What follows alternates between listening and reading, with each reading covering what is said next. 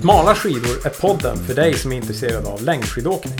Varje onsdag sänder vi nya avsnitt från Sveriges skidmecka Piteå. Och jag och Kai är på jakt efter att bli bättre långloppsåkare.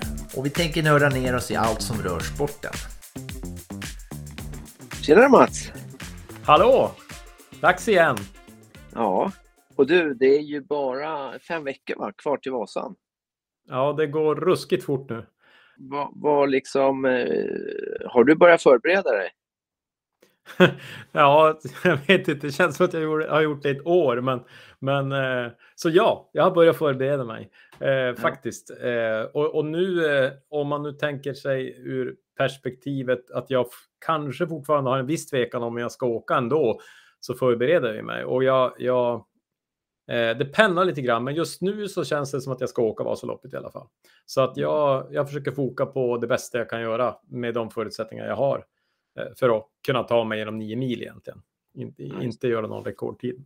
Ja, för jag gjorde ett eh, Vasalopps förberedande träningspass eh, här i veckan. Jag tänkte den här startbacken eh, mätte upp höj, höjden på den. Jag försökte lista ut, jag tror att det var 170 höjdmeter eller sånt där.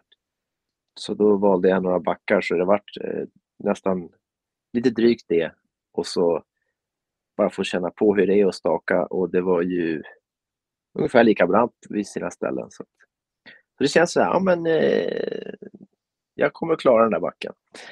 Var det, var det lika trångt eller? Nej, det var inte lika. Vi var ett gäng. Vi var ju faktiskt ett gäng. Det var ju flera som hängde på, så det var lite roligt. Eh, ja. Men, just, men just att orka, att inte gå på rött utan mm. för mycket, utan att tänka att eh, jag ska orka 87 kilometer eller vad det är efter de där backen också. Mm.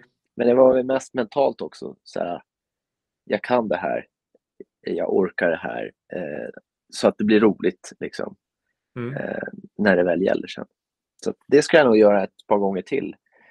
För det verkar ju som att backarna bara blir mildare ju mer man tränar i dem. Ja, verkligen. Nej, men det, var, det var ju ett smart trix, tänker jag. Och, och även att jag tänker att man blir ju lätt stressad och kanske Alltså adrenalinet gör att man drar på sig mera puls än vad man kanske skulle behöva egentligen. Så att, eh, att, att vara väl förberedd kanske att gör att man kan vara lite lugnare i, i backen där. Mm. Så, jag har ju aldrig åkt i trean heller så jag vet ju inte eh, hur fort det kommer att gå. Så att man, utifrån det är det lite pirrigt. Men förhoppningsvis mm. blir det ju så att det rör sig hela tiden. Det kommer att gå fort tror jag. Eh, jag upplevde jag, jag, sist, eh, det var ju då, det blev ju inget förra året, 2020, då åkte vi i fyran och jag upplevde ändå att det, även om det kanske hade kunnat gå lite snabbare, så var det ganska bra. Alltså det var ett lagom tempo för mig. Jag fick hålla igen lite grann och det tror jag var bra för resten av loppet. Att jag liksom, hade jag varit i trean exempelvis då med den kondition jag hade, så tror jag att det hade varit sämre för mig faktiskt, just backen. Mm. Så länge det inte blir ett stopp eller så. Men eh, har du gjort något träningspass i veckan som du tänker är, som du har nytta av eh, med tanke på Vasaloppet som mål? Ja, jag, jag, har gjort, jag har gjort några som jag tänker så att det här är bra för Vasaloppet, men faktiskt det jag skulle vilja lyfta som det viktigaste, det gjorde jag idag. Jag tog en privatlektion av Magdalena Pajala som vi har ju haft i ett tidigare poddavsnitt. Och mm. eh, egentligen för att jag har ju, jag ska ju åka med fäste Vasaloppet, men jag har ju mest stakat i år faktiskt, vilket har varit bra för att lära mig staka. Men jag kände väl att jag, jag behöver få hjälp med att hitta tekniken för att eh, sätta tekniken bättre. Så vi har gått igenom alla växlar. Eh, jag börjar med diagonal, filma och feedbacka och så sen frånskjut och så sen då stakning. Eh, och så sen får jag en återkoppling mejlledes med, med lite tips och sådär. Och det, var, det är små saker, det sitter hyfsat, men ändå de här små sakerna märker man gör mycket för farten. Alltså att hitta den där vinkeln eller hitta liksom eh, attacken eller ja, du har ju själv haft Magdalena i CCC 1000 så du vet ju hur duktig hon är på detaljer. Eh, så att, eh, och just när, man får den där individuella feedbacken när man inte är i grupp så jag upplever att det är jättemycket. Så det var, jag, jag är superpeppad. Jag har gjort det tidigare idag så att eh, det känns Men hur jättebra. känns det då efter höf höftoperationen och, och skruvarna? Kan du diagonala eller vad, vad blir domen ja. om, du ska, om du skulle döma dig själv? Om jag skulle säga att den största feedback hon hade var ju just att flytta tyngden.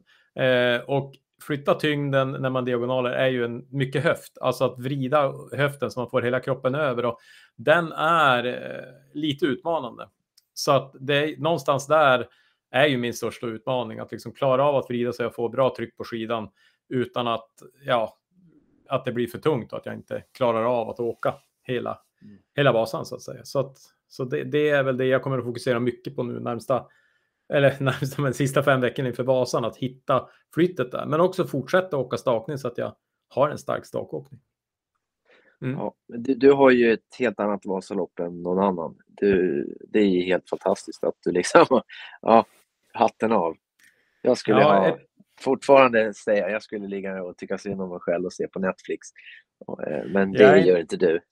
Nej, jag är inte så säker på att du ska göra det Kai, men, men vi, kan ju, vi kan ju låtsas i alla fall. Eh, ja, men du, vi har ju en härlig gäst idag, eh, Stefan ja. Thomsson. Eh, vi, ska inte, vi ska inte dra ut på tiden all. Jag förstår att många kanske har eh, laddat in den här podden och eh, längtar till att få höra Stefan, för det, det var ett, ett av de bättre av våra poddavsnitt så tycker jag att det här är ett avsnitt som verkligen har mycket att ge till en skidåkare. Ja, visst. Och nu är han i, i Kina gissar jag, Eh, när det här sänds. Eh, men vi högg han precis dagarna innan han for iväg till, till Italien bara för att sen fara vidare.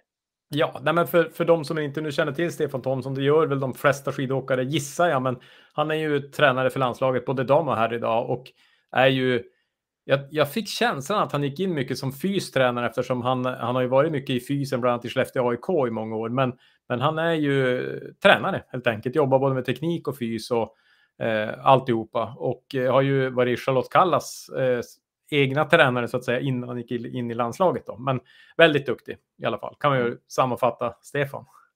Ja, det är en underdrift, tänker jag. Väldigt duktig. Ja, det, jag lär mig alltid eh, något. Och när man är på Star och tränar och han kommer förbi så känner man sig aldrig så bra för att han har ju alltid någon, någon ytterligare höjning av svårighetsgrad att göra. Så att när man känner sig nöjd så får man direkt en, en möjlighet att utvecklas mer. Så att, eh, ja, Nej, men det är bäst att vi är tyst nu och så kör vi igång eh, den här eh, inspelningen. Vi, vi, vi kör igång och så tar vi en liten reflektion efteråt. Jag fick ju du sms med mig för några veckor sedan och frågade. Och sen så pratade jag med Lars. Känner du till de här grabbarna i, i Piteå som, som startade en podd? Jaha. Så han kom några dagar efter. Han åh, oh, fan så. Lars, vem då? Lars Ljung. Jaha. Okay. Du vet ju lite grann om oss. Sådär. Mm, mm. Eh, och vad, vad, vi är trasiga och svaga och vad vi sådär.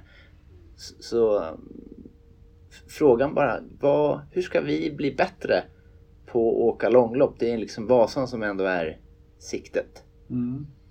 Eh, det är väl grund, grundintresset som vi har. Mm. Eh, och nu är det ju då vad är det, 60 dagar eller något sånt där. Ja. Så det är också sammanhanget vi befinner oss i. Så, ja. äh, Mats har inte gett upp hoppet än. Nej, jag, jag har hoppet. Eh, sen kanske jag inte gör någon rekordtid, men, men, eh, men jag, jag har inte gett upp än. Nej. Eh, jag måste ju köra något singellopp först och se om, om ja, det går. Överkroppen har ju varit frisk ändå. Ja. ja. Jajamän. Stefan, Staffan Larsson var ju bra en gång i tiden med skada. Jag får inspireras av han. Mm.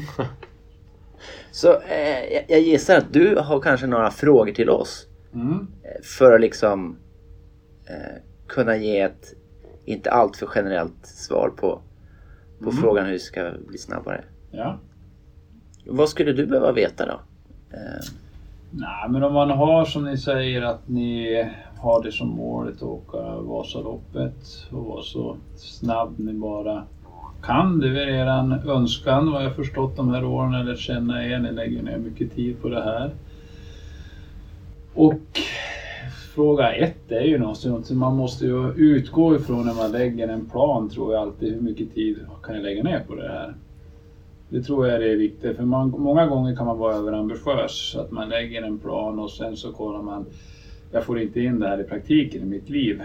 För eh, det, ert klientel är ju inte, det har, ni har ju inte skidåkning som yrke. Nej, vi får måste, betala för det här. Ja.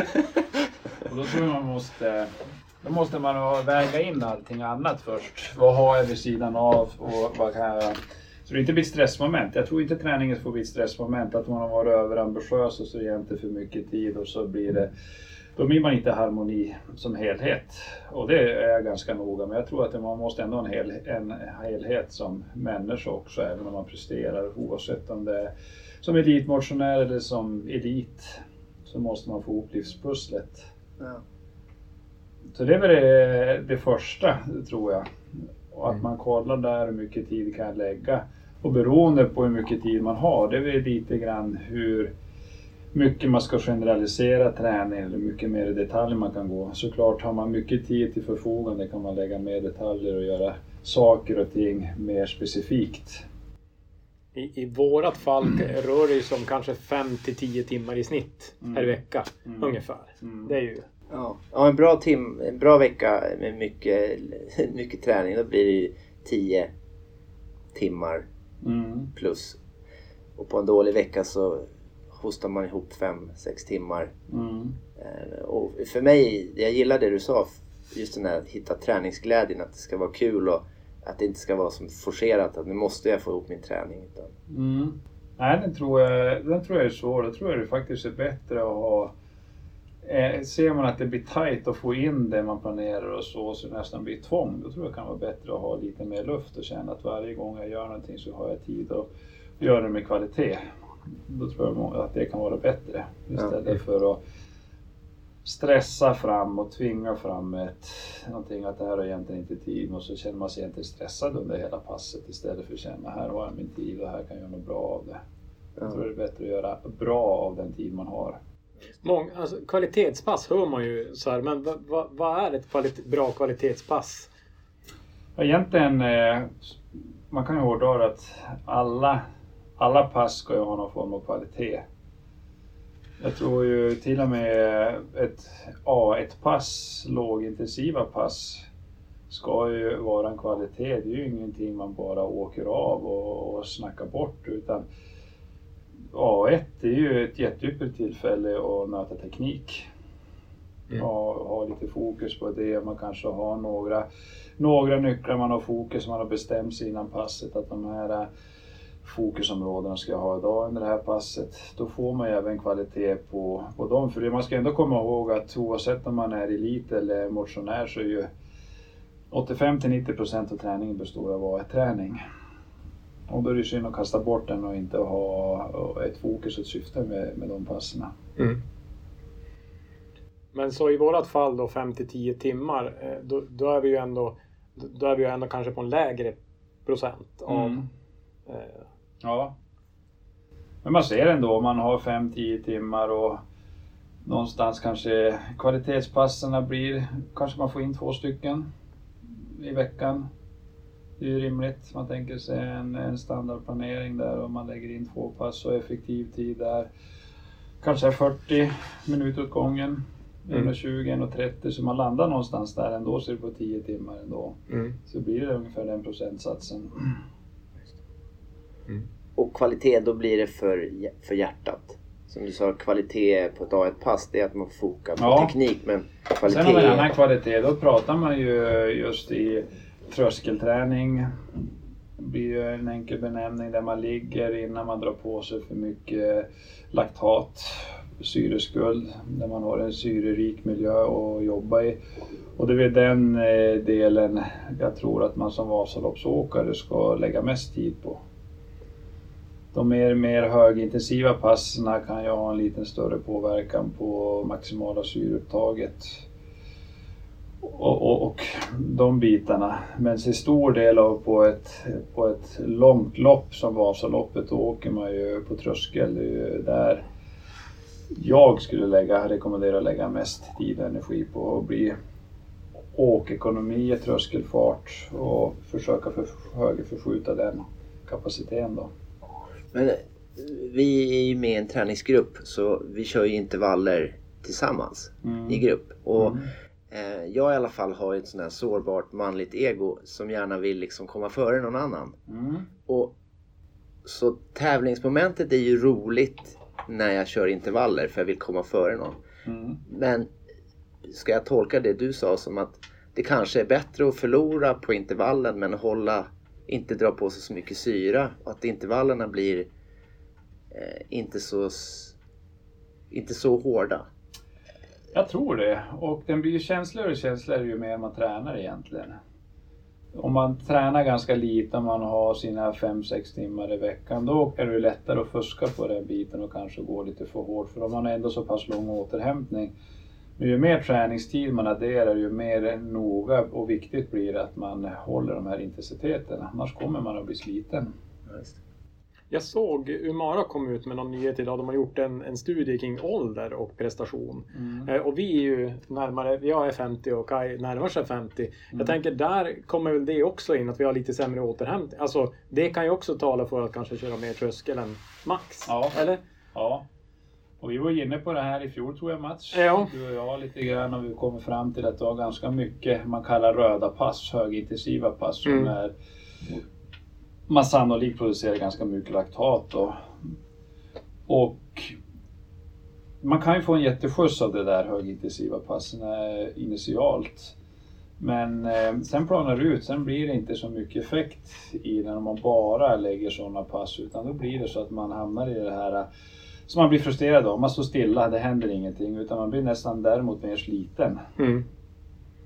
Så jag tror det absolut att man ska ha en variation i de här intensiteterna. Då är det som du säger Kai, svårigheten ibland blir ju när man är i en grupp att man lätt dras med. Men kan man ha disciplin sådana gånger och våga hålla sig innan man har bestämt att det ska vara en tröskelträning och då våga släppa och hålla sin intensitet. Och där ser man, det är ju där eliten är noga de eh, missar ju inte på de grejerna. Är det ett tröskelpass så, så blir det ju inte tävling. Man tävlar ju inte där utan då håller man ju sin intensitet för man vet att annars kan det kosta dyrt till nästa dag när man tränar mm. och eh, framöver. Ja, just det, för de har, de har så liten återhämtningstid så att ja. då spiller det över så mm. då, då, kostar det då mycket kostar mer. det och då kanske nästa dag som man har en annan plan på att bli lidande och så är man inne i ett dåligt ekorrhjul för den dagen man ska köra ett riktigt högintensivt pass då kanske man är sliten och då orkar man inte komma upp i det intensiteten som man egentligen hade planerat. Ja, just mm. jag, jag tänkte, du nämnde ju också det med åkekonomi på mm. Vasaloppet. Det är något som man ser eh, Alltså att, att de som är lite är starkare i kroppen och kan liksom hålla en bättre teknik över tid och allt det där. Mm. Jag tänker du är ju duktig på styrka. Kan, kan du säga något om det? Men det är egentligen där som styrketräningen kommer in i i bilden om man ser att det, finns, det är en vinst i skidåkning att jobba med styrketräning. Och jag brukar ju säga att man har ju, styrketräningen har ju som tre syften. Den är ju i preventiv, skadeförebyggande och sen så har det ju stabiliserande, ett teknikfrämjande syfte. Ju mer stabilitet man kan skapa i kroppen, ju mer åkekonomi kan man, kan man få. Det kan ju som hjälpa till med, med åkekonomin då. Så man har inga onödiga rörelser utan man får krafterna dit, dit man vill. Och det tredje det är ju som egentligen powerriktad syfte. Att bli starkare på rätt sätt och få mer power ner i, i de vinklar vi ska, både i överkropp och ben, så går det fortare. Det är ju ändå powern som gör att vi får en hastighet. Mm. Så det är egentligen de tre syftena jag tycker man har genom att jobba med styrketräning. Då. Mm. Eh, något jag också, jag har hört dig säga det också, det är ju det här med att, att koppla ihop styrketräning så att, så att man eh, inte bara kör mage eller liksom att man eh, ja, ja. Får, får, ihop. Har, är det också, eh, jag tänker, borde väl också koppla till den här åkekonomidelen, att, att få allt att sitta ihop. För det tycker jag är svårt. Att om man inte har stöttning från någon som kan träning att, mm. att förstå liksom hur det hänger ihop. Man går ju mer och mer ifrån att jobba isolerat. För det är ju ett helkroppsarbete att åka skidor. Och då bör ju hela kroppen jobba ihop.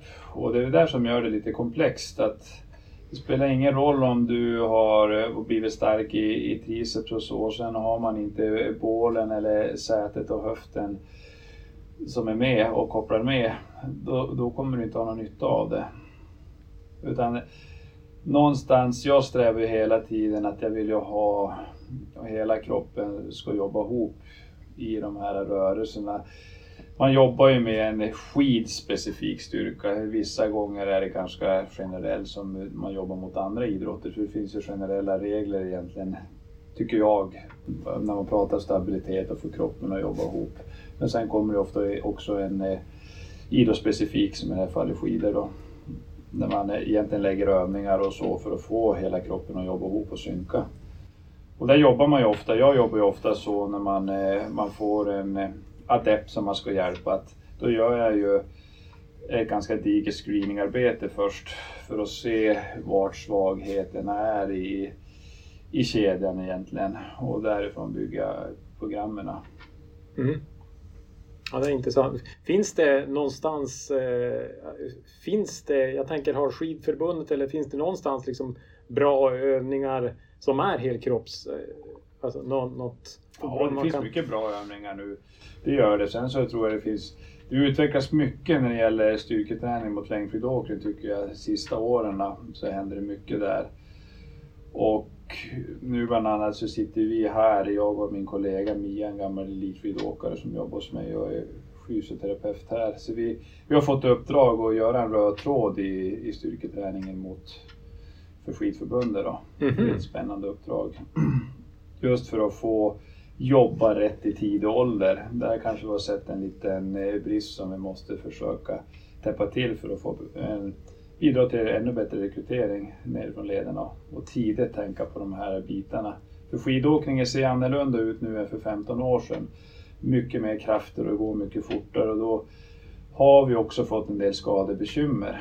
Och det är där vi ser som en del. Vi vill ju försöka få bort det här. Det har varit mycket prat om att vi har problem med ryggar och så. Och vi tror att det kan sitta lite grann i att man inte har den här stabiliseringsstyrkan mm. tid och ålder. När blir den eller det arbetet klart? Ja, det ska vara klart här eh, i, i vår. Ja. Tanken. ja, då kanske vi får komma tillbaka och, och ta, eh, höra lite grann om det då när det är ja. klart. För det ja. låter ju jättespännande. Ja. Men eh, under, hur många är det nu? Under fyra års tid så har jag varit här lite sporadiskt även om jag är lite allergisk mot att träna på gymmet. Men, men skulle behöva mer. Men jag har ju fått massa sådana här skidspecifika övningar så att säga som jag aldrig har gjort i något annat, annat liksom, mm. styrketräningsgrej. Är det, är det på den tråden det bygger vidare eller? Ja, vi bygger delvis på det. Vi tycker att vi, det som vi ser, det är ett ständigt pågående arbete att utveckla träningen där. Men det är absolut på det spåret, det är det. Ja. Mm. Jag tror jag skulle behöva ett gott råd. Jag vet, jag vet inte riktigt. Men jag, när du sa de här tre sakerna som att styrketräning står för de här. Jag, jag gillar ju alla. Men, mm. men liksom, hur ska jag inte lura mig själv, motivera mig själv och, och faktiskt få till den här styrketräningen? För ibland så kommer det sporadiskt sådär ja, under en period och då känner jag att det har effekt. Mm. Men det är liksom, har du snubblat över några så här, att, att du har lurat någon som har haft motstånd Eh, till att få ner tröskeln lite? Ja men det gör man ju ofta. Utan eh, den är ju kanske inte alltid den roligaste träningen. Är man skidåkare vill man ju åka skidor, det är ju det som är kul. Och då är det ända upp i, i elitnivå att de här bitarna ibland kan vara mer eller mindre lätt att göra. Utan det, som jag gör många gånger, det ska vara enkelt. Jag tror man får anpassa sig ut den individ man jobbar med. Och en enkelhet och lättillgänglighet och vissa grejer som man vet att här måste man ha mycket kontinuitet i. Till exempel stabiliseringsträning och så. Det är någonting man egentligen vill ha in varje dag. Man nöter, man nöter, man nöter. Precis som man jobbar teknik. Man vet hur svårt det är att ändra ett rörelsemönster. De här bitarna måste hela tiden jobbas med för att man ska kunna aktivera rätt muskel och ha rätt muskelfunktion. Och då kanske man istället för att ha digra program kanske man har tre, fyra övningar. Det gör jag på daglig basis. Ja, men då har vi fått bort stabiliseringsträning. Då vet vi att över tid så kommer det bli bra. Och sen kanske man har en eller två mer lite tyngre powerriktad styrketräning då ett pass i veckan eller två. Och då tror jag många gånger att då får man väl kanske se det i perioder. Nu jobbar vi med det här. Det blir inga långa pass. Istället för att långt man ska få med allting så tror jag det är bättre att nu har vi fokus på överkropp och sen byter vi efter fyra veckor och så över det. Det kan vara ett sätt. Då blir det mer så man inte ser, fan nu kommer jag hit och ska vara här i två timmar och så nästan kräks man över det. Ja, Men eh, när det gäller den här äh, uppdelningen. Finns det något över säsong som man, man tänker, alltså man kanske jobbar tyngre på sommaren. Men mm. jag, jag lyssnade på Mattias Fredriksson på Vinterstudion. Då sa han, då var det någon som frågade om Vasaloppet. Mm. Om man skulle jobba med styrketräning. Då tyckte han inte det mm. från och med nu. Mm. Eh, men, men, jag tänker så här att lite lätt styrketräning hela tiden gör ändå att man håller. Men eh, finns det något generellt att säga om, om års säsongsmässigt och, och även då inför tävlingar? Och... Ja, och styrketräning har ju så, det är ju så många delar. Be, begreppet styrketräningen är ju, är ju stort. Mm. Utan det måste man bryta ner. Vi ser bara när vi sitter här, vi pratar bålträning, vi pratar stabiliseringsträning, vi pratar powerträning.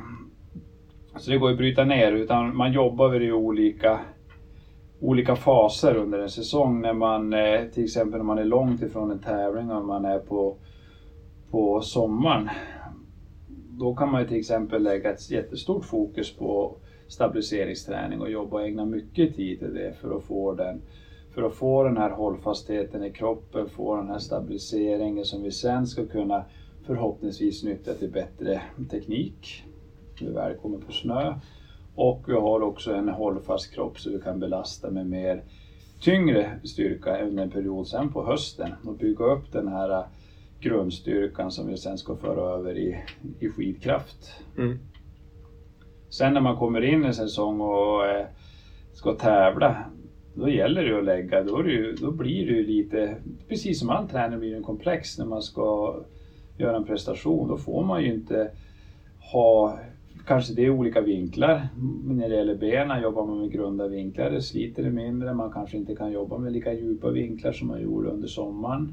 Man har mycket mindre reps, så man inte går bort sådär. Det är ju en sak som ofta ligger kvar i, i skidåkningen och att man ska bedriva styrketräningen i högrepetitivt. Mm.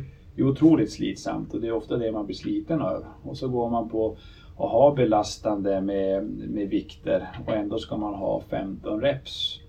Det är ju en sån här träning man både blir seg av och jag tror inte man blir något starkare heller. Men den ligger ju kvar hos många fortfarande. Så man ska ha eh, kort, färre reps? Ja, de, om man har gjort det här pusslet rätt då från sommaren så den här tiden på året då kan man ju jobba med ganska få reps. Man kan övningarna bra, man vill leverera power i kroppen och ha kvar den här maxstyrkan om man ska säga det. Att det svarar liksom. Ja, då behövs det inte så mycket. Då behöver man inte jobba jättemycket om man har gjort allting rätt. Vad är det då? Fyra, sex reps eller? Ja, ibland kan det vara ännu färre. Men tyngre då? Ja, ja. ja för då har man kommit dit. Samtidigt som den här stabiliseringsträningen den ligger kvar konstant. Men från att kanske vara långa block. Jag tror ju mycket stabiliserande muskler, uthållig muskulatur, den ska bedrivas däremot uthållighetsmässigt. Så det kan ju vara långa pass man ligger och, och kör de här stabiliseringspassen. Och ofta är det med kroppsvikt många gånger. Och det är core-övningar? Eh, ja. Stabiliserings... Eller vad, vad ja, menar du med det stabiliserings? Ju, det är ju för att få, jag ser ju ofta, jag ser kroppen, eh, man brukar tänka dela upp den i tre zoner. Man har nedre zonen som kommer till sätet egentligen och höften. Sen har man mellanzonen som man ofta kallar bålen, men bålen är mycket mer än magen. Men man har den och det, det kallar jag många gånger bron över till den övre zonen som är skulderpartiet. Och det är det där du vill hela tiden vill att de ska synka ihop. Och då blir det ju ofta att den här mellersta zonen som är bron, det är där någonstans, den ska ju inte vika sig till exempel att man hamnar i svank för då bryter den, då går ju bron sönder och då, då tror inte jag att man får ut fullt sitt helkroppsarbete. För det ska synka från skuldra ner till höft och ben. Det ska vara en enhet för att få kraften genom kroppen. En fråga då som det var det första sidningsloppet för två helger sedan. Mm. Och, så det var ju liksom första hårda, långa fyra mil sådär. Mm. Och efteråt så kunde jag märka att, att det var axlarna som jag hade, var liksom lite sliten i. Mm. Kan man tolka då att eh, då, är det, då har jag svagare axlar när jag har bro eller mage? Ja, eller kan man tolka det tvärtom utan att veta. Du kan också ha ett svagt, svagt parti längre ner. Så när det inte orkar längre upprätthålla din position, då kommer du få mer arbete på dina axlar. Okej, okay. så det kan vara åt båda hållen? Så att, ja. att då orkar du inte längre åka på när du åker bra ekonomiskt utan då blir det att man börjar hänga på överkroppen. Så på grund av att du är för svag i andra delar så får axlarna ta mer stryk. Ja, just det. det går att komma precis tänka tvärtom och det kan vara det som är förklaringen ja, ibland. Då. Ja. ja, det vet man först man ser hur det ser ut också. Ja, det är sådana gånger man måste som börja få studera den personen. Ja, visst. Ja, ja bra. En, en, en fråga jag också tänker koppla till kanske styrketräning men fart. Eh, alltså vi som är då lite mera gubbar eh, har ju... Eh, lite mer gubbar? vi, vi, vi pratar om det här med trösklar till exempel och jag, jag fick ett upplägg av dig tidigare där jag skulle köra maxfart och så sen gå ner på tröskel i ett antal tröskelnivåer då. Och, och, för mig så var det nästan ingen skillnad mellan maxfart och tröskel. Mm. Eh, Medan eh, tittar vi på eliten, du berättade för mig då då, ja men de har mycket, där är det ju mycket, mycket mer fart naturligtvis. Mm. Eh, hur, hur kan jag, eh, dels styrketräningsmässigt men också att, att just få upp den här farten, för det tycker jag är utmaningen. Att man, man, eh, man har svårt att få upp farten helt enkelt. Mm. Finns det något där, jag tänker du jobbar ju med sprinters och det är klart, där finns det ju något. Men kan man säga något som passar oss som sitter på långlopp och ja, vad finns det där? Sega gubbar. Nej, men just om man går det, specifikt till, eh, till fart så bygger ju det på det, det bygger på att få power ner. Det är, det är alltid så det är. Du får ingen fart om man inte har power i det man gör. Oavsett om man springer eller vad än man gör så eller skjuter ett skott i hockey så måste du ha kraft. Det är det som genererar att det blir någon fart. Mm. Och då är ju många gånger eh, gymmet om man hittar rätt och sen måste man också hitta rätt så man får en överförbarhet till sin idrott. För det är inte säkert att du blir snabbare för att du blir starkare i gymmet utan då kommer den här överförbarheten. Och då kanske det finns tekniska brister också som gör att du inte kommer upp i fart. Mm. Du kan inte röra dig för det blir ett litet annat rörelsemönster i högre hastighet och den kanske man inte har förmågan att, att göra. Mm. Är det koordination du menar då i hög hastighet? Alltså att kroppen ska röra sig rätt i fortare? Ja, för det, det blir ju ett annat rörelsemönster i högre hastighet än om du åker lugnt. Någonstans så blir allting mycket mer distinkt och du måste ju också ha den här stabiliteten i kroppen.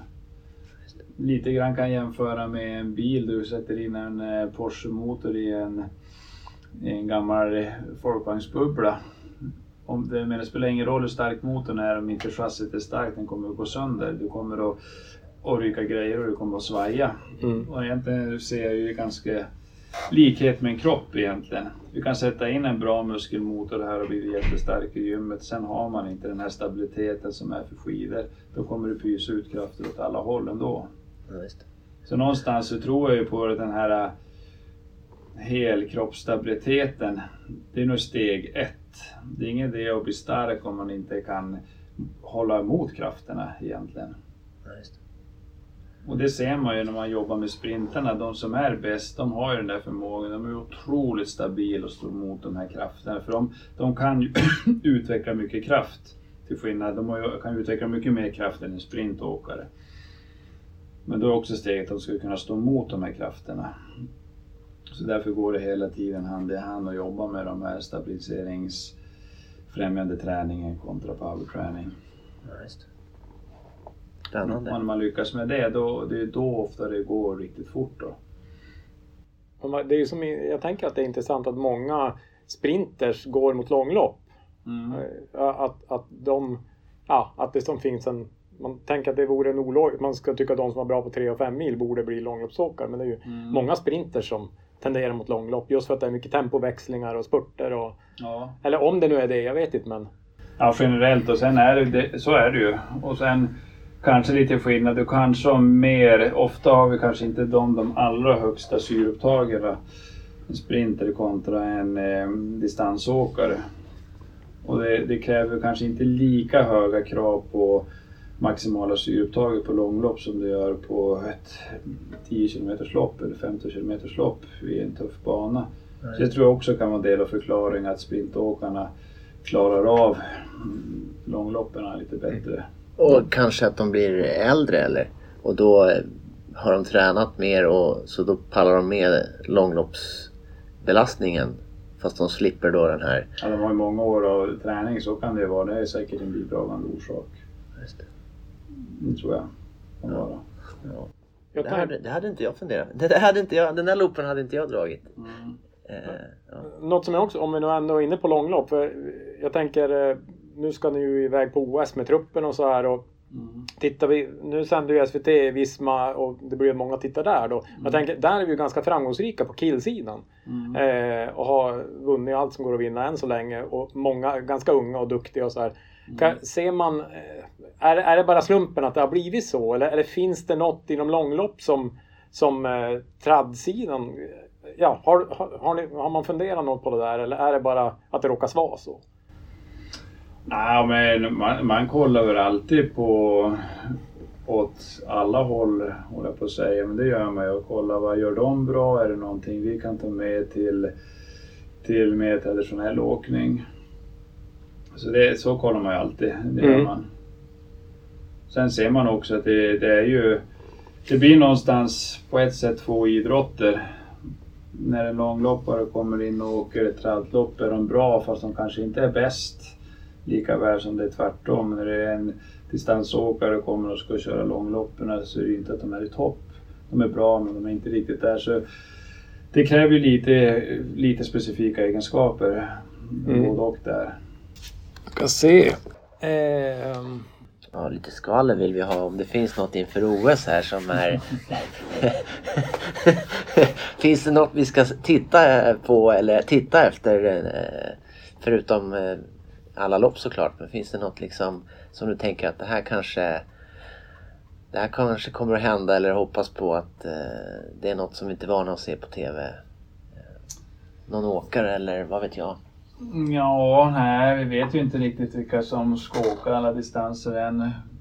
Det tar vi ju lite grann där. På plats, så det är ju inte... Så det är svårt att säga vilka man ska titta på specifikt i varje lopp. Jag tänkte på de, du har ju jobbat också med hockey. Mm. Och, och, eller många toppidrottsmän, även NHL-hockeyspelare. Mm. När, du, när du jobbar med de bästa, är, är, vad, vad, kan vi lära av dem rent i mental inställning? Finns det något som så här, man, man ser att det finns en, en genomgående så här, no, eh, drivkraft eller, eller någonting? Ja, men det, det som slår mig, för som du säger, jag jobbar ändå ganska många år som har varit och fått förmånen att jobba med elit i, i snart 15 års tid. Och man kollar på de som, man, som har varit de bästa man har jobbat i hockeyn kontra med de med skidor så är det ju ett samband. Det är ju de här, de är otro, de, sticker, de som sticker ut lite i mängden från de andra som också är bra de missar ju inte någonting. De är så otroligt eh, noggranna på alla punkter och egentligen slarvar inte bort ett enda pass. Det är som full fokus varje dag på jobbet och de kommer dit. De har jätteklart för sig vad de ska göra, vilka syften de gör. Och de missar inte på detaljerna överhuvudtaget. Och det, där ser man ett samband. De som har jobbat med, som har tagit sig till NHL och där, ja, de sticker ut på den fronten. Mm. Det gör de. Att de, de är mer noggranna och mer, mer ambitiösa ja, men alla led. De vet det hela tiden söker de nästa steg, nästa steg hela tiden. De är aldrig nöjda egentligen utan hela tiden ska de framåt. Vad är nästa steg, nästa steg? Det slår mig. De, de ser egentligen aldrig ett slut på utvecklingen och bara ser nästa möjlighet och nästa möjlighet. Så där tycker jag det finns ett samband med de här som sticker ut. Mm. Så de kanske inte är lyckligast som individer men de kanske är framgångsrika för de aldrig ligger och vilar liksom? Jag tror de är lyckliga. Det tror jag också. Jag tror, jag tror det är svårt att vara bäst och inte vara lycklig. Det, det har jag jättesvårt att säga. Jag tror man måste vara lycklig för att bli bäst. Som vi pratade med i början här att du måste ha harmoni. Jag är noga med det när, jag jobbar med mina aktiva. Jag vill många gånger höra, som jag säger, hur ser livet ut i allmänt för att kunna anpassa och se att vi får ihop en helhet. Annars tror jag det är jättesvårt om man inte har harmoni i helheten och, och lyckas. Ja, just.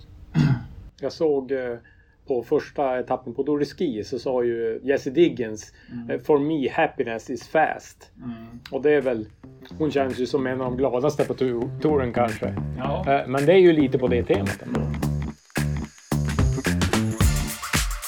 Jag, jag tänkte på, du har ju hållit på länge som du säger med elitidrott och har ju säkert upplevt en del själv också. Finns det, finns det några fallgropar och misstag som du har lärt dig av genom åren? Sådär att där tänkte vi fel, vi, vi körde för hårt på det där sättet eller? Ja, det gör det och absolut om man backar i backspegeln och det gör man ibland. Och man ser ju själv hur man har utvecklats. Saker man gjorde då, då kan man ju sitta och fundera, hur kunde jag tänka så? Men samtidigt, det är ju någonstans, man vill ju aldrig, man vill ju aldrig göra ett misstag eller göra fel. Men det kommer man att göra mm. och det får man inte vara rädd för utan det är ju också en sån värld där man ligger hela tiden eh, på, på gränsen och man vill utmana, man vill hela tiden testa nytt och driva utvecklingen framåt. Så har det alltid varit och då är ju alltid risken att det blir ett litet fel. Så de har gjort. Mm. Samtidigt är det ju en, eh, det är ju en gammal slogan, men man lär sig av de grejerna och det är viktigt att se dem. Det tror jag är viktigt. Man måste våga erkänna dem och se dem att här är det fel. Man får som inte hitta och inte välja och inte se dem, för det kan man nog göra också. Mm. Jag tycker ändå att jag försöker alltid påminna mig själv om det. Sen kan det göra ont för stunden, men du måste göra det för då kommer det bli något bra av det. Då har du lärt dig någonting av det. Mm. Så det händer och det kommer säkert att hända framöver också. Om man ska vara framtidsspanare då. Eh, om vi tänker oss då att vi sitter här om fem år och vi har gjort en 600 avsnitt av vår podd eller någonting. eh, och vi tittar tillbaka så här. Vad, vad, kan, alltså om man, det här blir ju naturligtvis lite flummigt men kan man tänka sig vad, vad, vad skulle kunna vara fel i så som vi tänker kring träning idag? Alltså, finns det något man kan Fortfarande gör vi ju, bygger vi en del teorier på vi vet inte riktigt. Vi tror, vi tvingas tro, för vi vet inte riktigt vad som händer i kroppen i vissa träningar, mm, träningsformer och så. Vi, vetenskapen jobbar ju på, jag försöker hela tiden följa den, men ändå hela tiden våga hitta en väg där. Och det kommer, utvecklingen går ju fort framåt, vi får mycket mer monitoreringsverktyg, vi kan mäta snart allting. Och man använder ju dem men man har inte koll vilka siffror det är viktigt att använda och där tror jag man kommer och kommer mycket längre om eh, fem år när vi sitter där. Och helt plötsligt kan man då följa processen i träning på ett ännu mer detaljerat sätt. Och tror det kommer att bli ett hjälpmedel till att man inte hamnar i de här fallgroparna vi pratar om. Man kanske hamnar över träning och går över, utan det kanske man ser. Mm. Man kanske får signaler, vi kan mäta de signalerna innan. Det känns ju som att det är ganska vanligt med överträning ändå om man tittar överlag på toppidrottsmän. Ja, I alla fall individuell idrott. Det händer ju. Det händer att man går över gränsen. Och det är också, går man över gränsen att man tränar för mycket och, eller går man över gränsen att man inte har tillräckligt med energi. Mm. Det behöver inte alltid vara medvetet utan det är att man kan ligga där under lång tid och hela tiden ligga lite energi negativ. Så det, de tränar så pass mycket så, och de har ju ofta en sån enorm drivkraft. Och där tror jag ju hela tiden, jag tror ju mycket på och man jobbar ju mycket med det, att hitta mer och mer monitering, monitoreringsnycklar. Vad är det som är viktigt att följa och våga lita på de signalerna. Det är också en konst att man ser, för man ser signaler tidigt och då måste man våga lita på och våga agera utifrån dem. Det tror jag kommer vara hjälpmedel och det är det redan nu från att inte hamna i, i det. Man kan se det i tidigt stadium. Går det att se någonting på vilopuls, alltså träningsstatus, eller ligger den konst, konstant, eller hur? Ja, den är ju ett, det är ju en eh, del som är, kan vara till hjälpmedel. Man får inte förlita sig blint på den, men den visar sig ju många gånger blir den ju annorlunda när man har haft en infektion.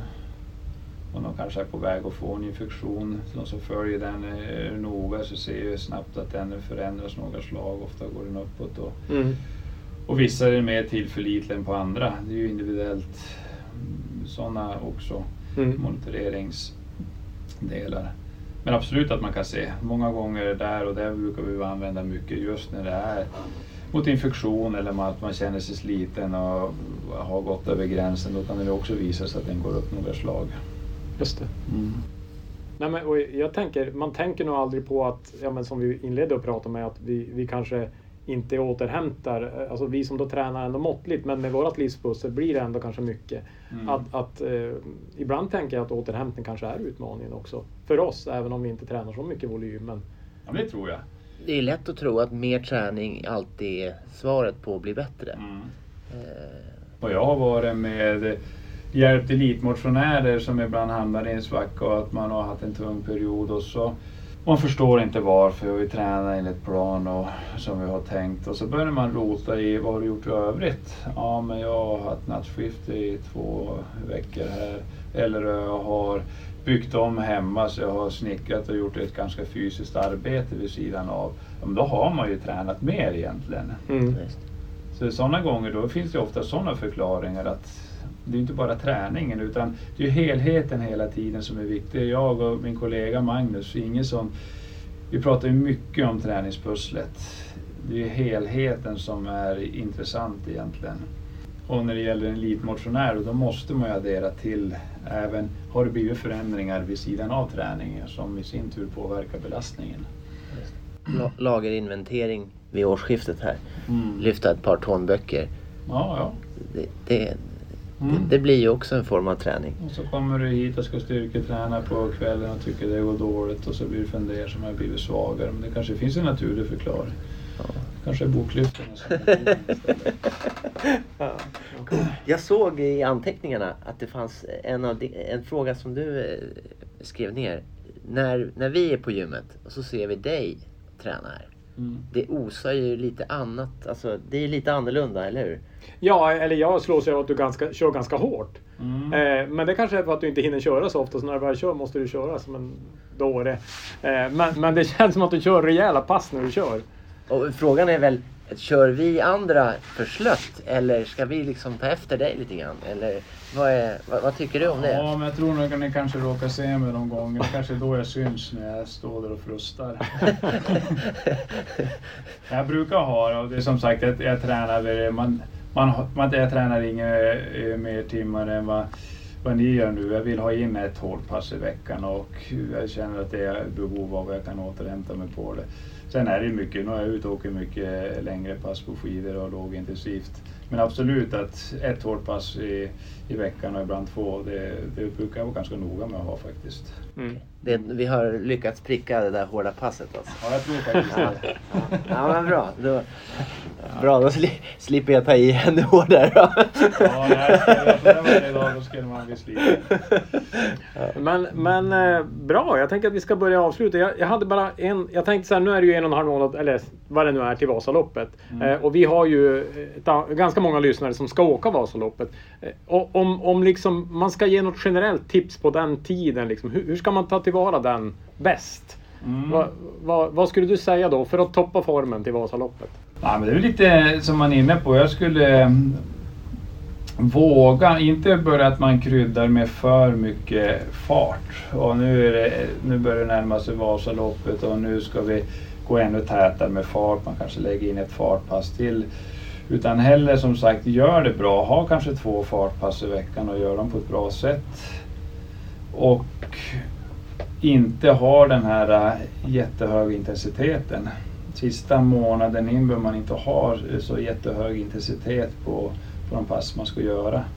För då ska ju egentligen den mest största delen av jobbet skulle vara gjort när det börjar närma sig tre, fyra veckor kvar där. Utan då tycker jag att då ska jobbet vara gjort. Och gör man kvalitetspassen behöver inte vara så jättelång effektiv tid. Brukar man ha en effektiv tid på 50 minuter så kanske man bara kan kapa den och känna att man ska ha en känsla av att man jobbar i den zonen man ska, till exempel tröskelträning, men man behöver inte vara där så mycket.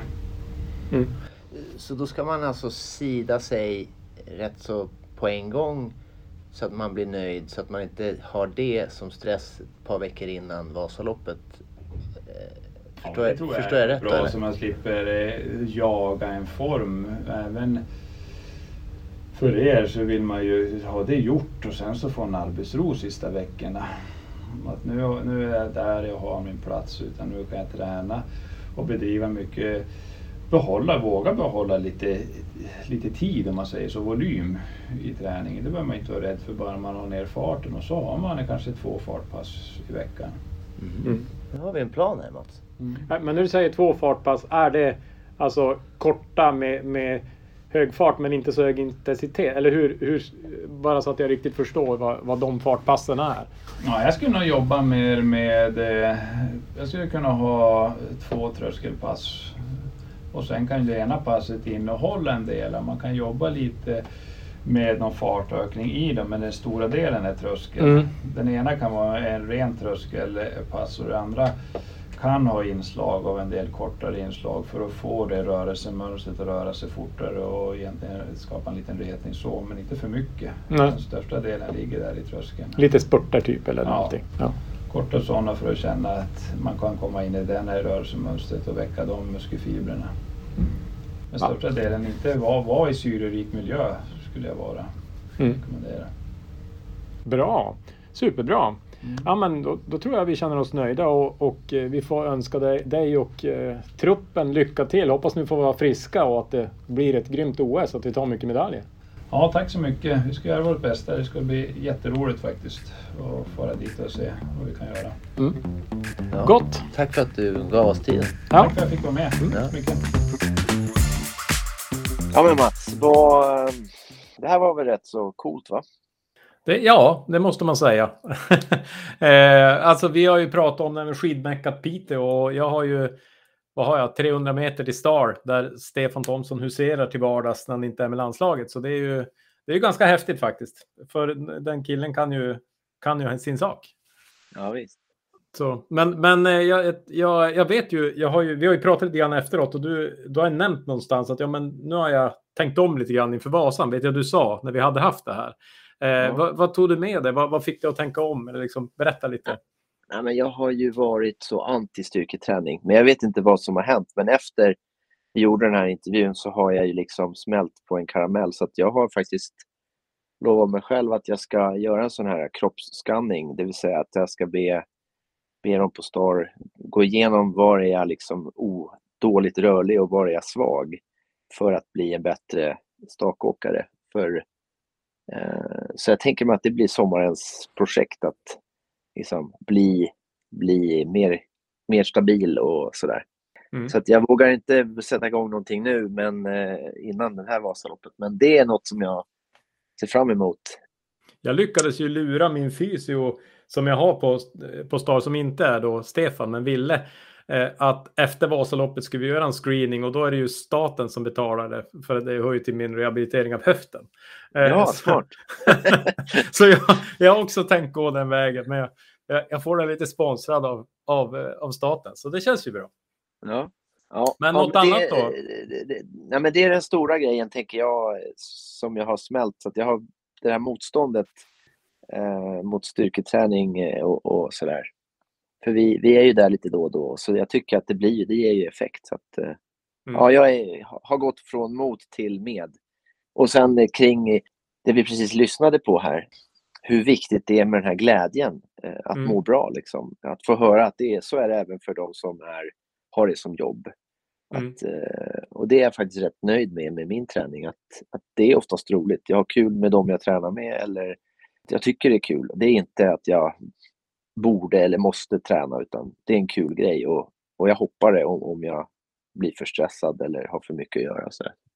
Du måste ha rätt kul när du tränar. För dels tycker jag det är kul att träna med dig eh, eftersom du har mycket energi. Men du tränar rätt mycket så att, så att eh, det är ju eh, det känns som att du har hittat någon sorts nyckel till att ha kul på, på, på träningspassen. Ja, i mitt jobb så är det oftast mycket fundera och sortera och liksom relatera och sådär. Eh, till människor och olika typer av situationer. Med att jag jobbar med olika typer av dilemman och konflikter och sådär. Så det är himla bra att röra på kroppen. Det är som att det sorterar skallen på mig på ett bra sätt. Eh, och sen blir det ett egoprojekt också. Att jag, att jag gör någonting för min egen skull. Eh, så då blir det balans i mitt liv. Att att finnas för andra, eh, men att glömma bort sig själv, det tror jag inte man mår bra av i längden. Så därför så blir träning ett litet egoprojekt eh, mm. som är himla roligt också. Så får man ju träffa roliga skidåkare som, som du exempelvis. Ja, men det, jag tänker, tack. Jag tänker att det är mycket, alltså hela livet är väl någon sorts balans. Även inom skidåkningen eh, pratar ju Stefan om den här balansen med, ja, men mellan olika pass och mellan olika pulszonerna mellan med teknik och styrka och fart och inte fart. Och allt handlar ju om att hitta en bra balans och, och, och till det då balansen i livet som ju vi alla säkert brottas med på olika sätt. Så ja, att, eh, det, det, är ju ett jätteviktigt pussel man ska lägga. Ja, och att det aldrig är som att nu har jag hittat balansen och så är det låst. Så, så är det liksom så är det, så är det fixat. Utan det är som en daglig balansövning i vardagen. Mm. Och jobb och humör och, och, ålder och skador och mattider och allting. Så det är mm. en ständig träning att balansera saker. Så det är mm. som en skön påminnelse. Så är det även för de här ja, de som jobbar som skidåkare. Liksom. Mm. Jag tänkte på det. Vi hade ju på vår Instagram några eh, som ställde frågor eller vad de ville höra.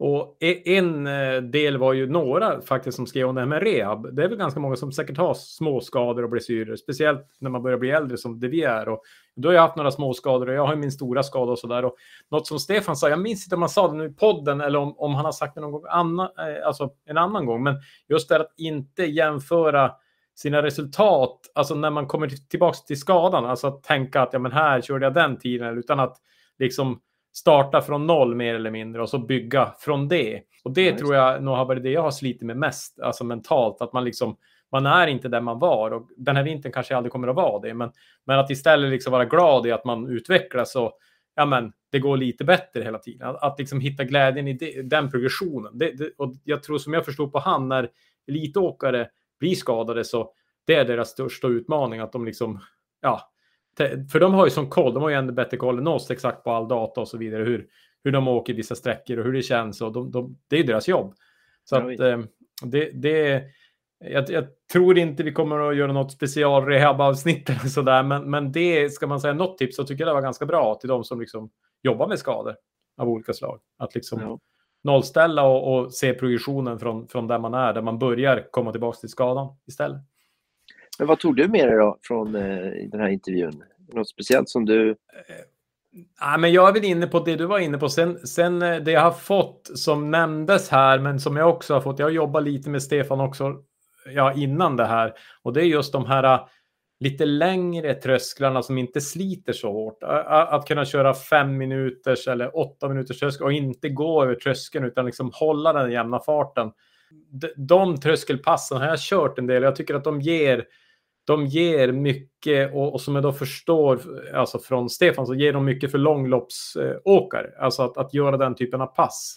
Så nu har jag lagt in faktiskt en gång i veckan. På tisdagar gör Thomas och jag olika trösklar då på det temat. Eh, att inte försöka gå över, alltså så att vi får syra i kroppen, men ändå ligga med hyfsat hög fart.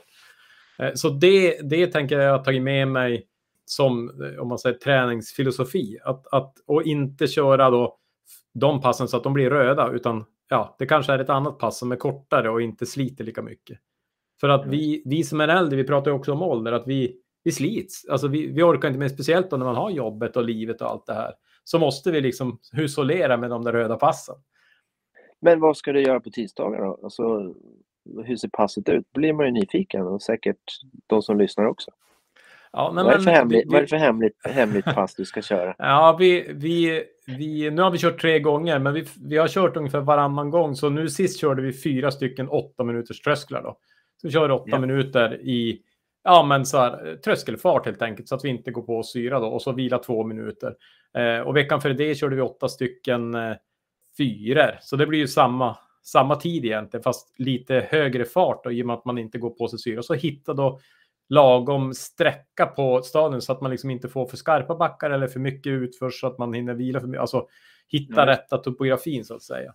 Eh, och det, jag, jag upplever att de har inte slitit för att sen på onsdagar har vi kört med Åse, grupppass och mycket. Eh, jag har känt mig ändå utvilad så att jag känner att de inte tar så hårt, men, men ändå att de ger att jag känner mig som stark när jag åker mm. därifrån och jag är glad och det är roligt. Så att det har varit jättebra pass. Ja, och apropå det här grupppasset då, i onsdags då, hur gick det för, för dig? Du, du hade ju sprintstafetter. Mm. Ja, det var roligt för det första att åka sprintstafett. Jag, jag fattar att det är många som gillar sprint, för det är ju att åka med någon också. Det är jätteroligt. Eh, och du var ju på pallen Kaj också, ska vi väl nämna, om vi nu ändå pratar om den. Var, jag kom ju fyra jag då med min partner. Men, men, eh, nej, men det, det som man kan säga faktiskt, jag körde ändå ganska hårt, men jag var inte alls sliten. Jag hörde många i gruppen som var ganska slitna, men jag eh, och ändå, det var inte så att jag liksom höll igen, utan jag, jag körde det jag hade. Men och det kanske är att jag har kört en del den här typen av trösklar som är 3-4 minuter i sommar. Du har ju varit med någon gång i sommar när vi har kört liknande. Ja. Ja, eh, så att, men det var roligt framför allt. Ja, det var väldigt roligt. Man får skrika på den man kör med. Eh, ja, det är lite... Ja, men, och lite grann när man har en annan i sitt team så vill man ju verkligen inte ja, svika, utan då jobbar man ju för varandra. Det finns ju något i det där. Ja, verkligen. Man, man åker inte bara för sig själv. Nej ja, spännande hur det ska vara för de som åker i landslaget på, på stafetten. Ja, verkligen. Åka Men, inte eh, bara du, för laget utan för landet. i, inte, i, eller in, innan vi avslutar eh, dagens avsnitt så eh, vi har ju Bodenloppen nu till helgen. Och eh, du har ju nu silat upp det så jag, jag frågar här officiellt inför hela världen om du, du kommer att åka eh, loppet och, och sådär. Eh, jag kommer nog att åka, men mer som ett träningspass och inte jobba på sidan mig eh, sådär. För det är bra träning och åka ett lopp och så mm. peppa min sambo också som ska, som ska sida sig. Men det är mm. lite sådär med vädret. Det får vi se om det blir för kallt. Man vill inte paja några luftrör. Nej, eh, det, det, går, det far, kommer och far beroende på vilken vädertjänst man tittar på och sådär. Eh, och det är också lite snö i luften så att jag, jag har inte anmält mig än, men jag, jag tror att det är bra för mig att få några genomkörare så att jag borde åka även om, jag, om det blir en riktigt dålig tid. Men bara för att åka tävling är ju ändå något, något speciellt och ger bra upplevelser. Ja, det är bra att träna på alla sådana moment så att man känner sig sen eh, lugn och man kan njuta av Vasaloppsupplevelsen och åka dit istället för att stressa med alla prylar och ordning och reda. Liksom. Så att, mm. eh, Nej, och jag, jag, vi såg ju Marcialonga idag eh, och då hörde jag någon som, de intervjuade några motionärer, de sa just det att det som de uppskattar i Marcialonga var enkelheten med logistiken. Och det är just det, det jag tycker är Vasaloppets sämsta sida. Det är ändå att även om de har ordnat det jättebra med, med bussar och med väskor och allt, man, men det är ändå ganska mycket man ska liksom sätta med, med allt ifrån energi till sina prylar till skjuts hit och dit och vakna på morgonen och sova någonstans. Och allt det där är ju, så har man, har man liksom ja, gjort några termer så kanske man ändå kan vara lite lugnare i det i alla fall. Ja, men eh, med det sagt ska vi ta och kanske avsluta det här avsnittet. Och som sagt, tipsa gärna era polare om smala skidor. Eh, vi vill ha många lyssnare och gå in på vår Instagram, smala understreck skidor. Och eh, skriv gärna om det är något ni vill använda, om ni tycker det är bra eller tycker vi kan utveckla något eller sådär. Så ska vi fortsätta försöka göra bra poddar, eller hur? Eller hur? och det kommer spännande avsnitt framåt. Eh, men vi eh, lägger väl ner för idag, va? för att eh, vi har hållit på länge idag. Ja, vi lägger ner för idag. Nästa vecka, kommer en, en, nästa vecka kommer en till Mats, förutom jag då, som heter Mats Karlsson. Och det blir lite snack, ganska mycket rillsnack. Det har vi också haft många som har önskat. Så att vi ska, vi ska snacka rillar och eh, lite annat. Det blir ett eh, teknik, eh, alltså prylavsnitt kan man säga. Eller pryl, eller ja, inte så mycket skidåkning. Men vi gillar ju det också. ja, vi rillar ner. ja, vi rillar ner. Ja, ha det bra. Vi hörs nästa vecka. Hej, ja, hej. hej.